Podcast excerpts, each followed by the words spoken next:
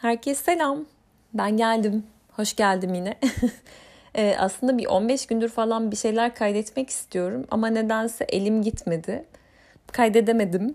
Belki normalleşmeye çalışma çabalarımız, belki normalleşememe çabalarımız. Nedir bunun altında bilmiyorum.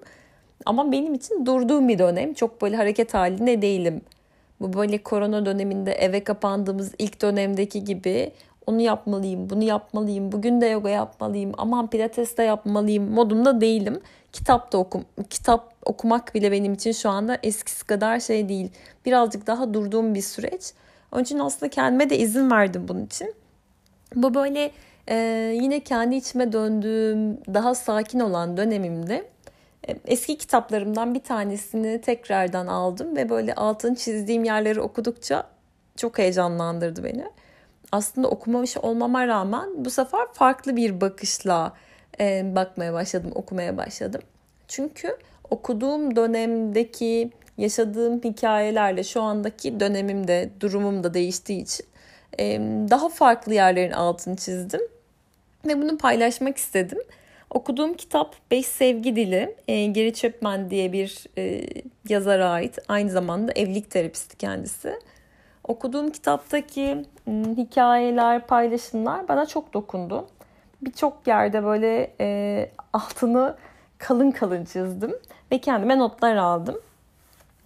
Kitaba dair birazcık konuşmak istiyorum. Herkes okusun istiyorum. Ben bunu herhalde geçen sene okumuştum ilk defa. Keşke daha erken okusaymışım diyorum. Ama tabii yapacak bir şey yok. Doğru zaman o zamanmış. O zaman karşıma çıkmış. İşte aradan bir sene geçtikten sonra bile okuyunca bambaşka şeyler düşünüyorsun, bambaşka şeyler katıyor. Bazı kitaplar böyledir ya bu kitapta böyle başucu kitaplarından bana kalırsa ilişkiler için e, güzel bir rehber niteliğinde bir kitap. Öneririm. Okumadıysanız okuyun. Hatta bir de çocuklar için bir kitabı var. E, çocuklar için Beş Sevgi Dili diye. E, o kitabı okumadım. Sadece varlığını biliyorum ama öteki kitabı çok öneririm. Şimdi kitaba gelene kadar birkaç benim yorumum var. Sonra kitaba dair aldığım notları paylaşmak istiyorum. Belki birilerine dokunur, birilerine katkı olur diye. Ee, aslında hepimiz çok farklıyız birbirimizden. Kimimiz daha duygusalız, kimimiz daha işitseliz, kimimiz daha görseliz ve e, bambaşkayız. Aslında parmak izi gibi her birimiz birbirimizden farklıyız. E, aynı anne babadan da olsak bile farklıyız. Bizi farklı kılan şeyler var Mesela ben kardeşimle olan ilişkime baktığımda e, kardeşim benden çok farklı. Oysa annemiz bir, babamız bir ama çok farklıyız. E, çok görsel bir anne konuşurken işte elini kolunu hareket ettirebilir, mimiklerini mimiklerini kullanabilir. E, ama böyle bir annenin çocuğu işitsel de olabilir ve annesi gibi hareketli olmak yerine daha böyle sakin, e, sadece sorular sorarak bir hayatta yaşayabilir. Çocuğun bu sakin hali annesinin alışık olmadığı bir tavır olmadığı için e, anneyi rahatsız edebilir. Çocuğunun farklı olduğunu düşünebilir. Hatta belki de onu kusurlu bulur. Oysa çocuğun bir kusuru yoktur. Sadece kendisini, duygularını ifade etme şekli annesinden biraz farklıdır. Hepsi bu. Ee, anne zaten hani çocuğun nereden yayın yaptığını fark eder ve ona göre davranırsa sorun diye görünen şey zaten kendiliğinden ortadan kalkar. Ee, aslında biz hayatta bize benzeyen insanlarla eğleniyoruz. Bize benzemeyenlerden de çok şey öğreniyoruz. Bu anlamda bizim gibi olmayanlarla çatıştıklarımız insanlarla, zıttımız olan insanlarla da sınanıyoruz bir anlamda. Bunu da en çok ilişkilerimizde deneyimliyoruz. Ee, hem bir partnerle olan ilişkimizde hem ailemizle olan ilişkimizde hem de arkadaş ilişkilerinde ama sanırım en çok da bir partnerle olan ilişkimizde bunu deneyimliyoruz. Ee, biz aslında birazcık da toplum olarak duygularımızı çok ifade edebilen e, bir toplum olmak yerine daha çok varsayımlarla hareket ediyoruz. Dolayısıyla yanılgıya düşüyoruz aslında. Ee, yani ben karşımdakinin benim hakkımda ne düşündüğünü tahmin etmeye çalışıyorum. Ya da onun söylediği bir cümleyi kendi kafamda anlamlandırıp ona göre hareket ediyorum. Ve çok da yanlış anlıyoruz, yanlış anlaşılıyoruz. Sonrasında işte hep bir çatışma, hep bir kavga, anlaşamamazlık hallerini yaşıyoruz. E son dönemde bu kadar ilişki sorununun olması, bu kadar boşanma sorununun olması da zaten bunu işaretliyor bir anlamda. Ee, herkesin sevgiyi ifade etme şekli yani aslında sevgi dili farklı. Bu da bir anlamda çocukluğumuzdan geliyor. Ne görüyorsak onu uyguluyoruz. Şimdi eğer benim annem e, hizmet ederek sevgisini gösteren biri ise ben de onun yanında büyüdüğüm için ben de hizmet ederek sevgimi göstermenin doğru olduğunu düşünebilirim. Tabii ki de benim bir mizacım var ama buna ek olarak böyle sevgimi ifade ettiğimi düşünebilirim. Çünkü ilk rol modelim annem böyle yapıyordur. Ben de bunun böyle olduğunu alıp kabul etmişimdir. Ya da eğer e, baba sadece evdeki maddi ihtiyaçları karşılayarak sevdiğini gösterdiğini düşünüyorsa onun oğlu da aynı şekilde kendisi büyüdüğünde kendi yuvasını kurduğunda evin ihtiyaçlarını karşılayarak sevdiğini gösterebilir ve bunun yeterli olduğunu düşünür çok normal olarak çünkü babası böyle yapmıştır çocuk da bunu biliyordur. Ee, yani aslında kişi sevgi kelimesinin içini kendine göre doldurur ve bunun herkes için böyle olduğunu sanır. Zaten hayal kırıklıkları da burada başlamıyor mu? Sevseydi böyle yapardı diye düşünüyoruz. Bunu kullanıyoruz. Yani kendi sevgiyi gösterme şeklimizin aynısını karşımızdakinden de bekliyoruz. Oysa karşımızdaki için bizim sevgimizi gösterme şeklimiz hiçbir şey ifade etmiyor bile olabilir. Yani e, şey gibi bu farklı kültürlerden gelen insanlar için gelenek görenekler nasıl saçma gelebilirse karşı taraf tarafından anlaşılmazsa bu da tam da böyle bir şey. Yani eşiniz, sevgilimiz, çocuğumuz, anne babamız, arkadaşlarımıza sorduğumuzda sevildiklerini nasıl hissediyorlar? Saçını süpürge etmek, aşırı kendinden vermek, fedakarlık yapmak, işte 7-24 dip dibe olmak bu her zaman karşımızdakini sevildiğini hissettirmiyor. E, çünkü sevgi dillerimiz farklı olabilir. Kitabın arkasında da çok güzel bir test var ve baskın sevgi dilimizi e, otohisti çözerek bulabiliyoruz. E, zaten kitabı okurken de başlı başına kendi dilinizi çözmeye başlıyorsunuz. Şimdi ben kitabı okurken e, diyorum ya çok şeyin altını çizdim. Ben dokunsal bir insan olduğumu biliyordum ama dokunsallığın diğer e, etmenlerin bu kadar üstünde olduğunu benim için farkında değildim. Bunu en çok da annemle olan ilişkimde ilk deneyimledim. Ben dokunsalım ama annem dokunsal değil. Annem de böyle e, fedakarlık eden bir rol model benim için. İşte böyle saçını süpürge eden, kendisinden çok veren, ben işte sevdiğin yemekleri yapan, hep böyle mutlu etmek için karşı tarafı böyle bir profil. Ben de dokunsalım. Ben de istiyorum ki böyle bana sarılsın falan. Ah çocuğum desin. Onun da sevgi dilinde bu yok. Bunu bilmiyor. Şimdi insan bilmediğini yapma şansı yok. Ya da görmediğini yapma şansı yok. Ben de bunu anlıyorum. Onun beni sevdiğini biliyorum. Bunu hani söylemesine gerek yok ama ihtiyacım olan şey birazcık daha farklı. Bunu fark ettikten sonra aslında sevgi dilimizin farklı olduğunu algıladıktan sonra okey diyorsun. Bu seni rahatsız etmemeye başlıyor. Onunki o, benimki bu.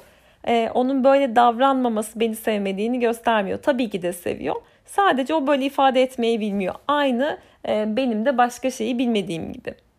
Sadece dillerimiz farklı. Ama birbirimizin dilini öğrendiğimizde ortak noktada zaten buluşuyoruz. Kitapta bununla ilgili bir tane de e, örnek var. Çok hoşuma gitti. Altını çizdim. Onu da paylaşmak isterim. Kendi sevgi diliniz ve eşinizin sevgi dili arasındaki benzerlik Çince ile İngilizce arasındaki benzerlik gibi olabilir. Sevginizi İngilizce ne kadar anlatsanız da eşiniz sadece Çince biliyorsa birbirinize sevginizi asla anlatamayabilirsiniz. Aslında iki taraf da birbirini seviyordur ama farklı dillerde konuşuyorlardır. İşaret bir yere kadar yeterli olmayacaktır. Dolayısıyla birbirimizin sevgi dilini öğrenirsek zaten ilişkilerdeki sorunlarımız da ortadan kalkar. Benim için çok önemli olan bir şey karşı taraf için hiçbir şey ifade etmeyebilir. Umursamayabilir. İşte o zaman kendimi kötü hissedebilirim. Bu kitap birazcık da hem e, kendimizi hem de karşımızdakinin ihtiyacını anlamamıza ve e, ona göre hareket etmemizi sağlayan bir rehber, bir kılavuz niteliğinde bir kitap.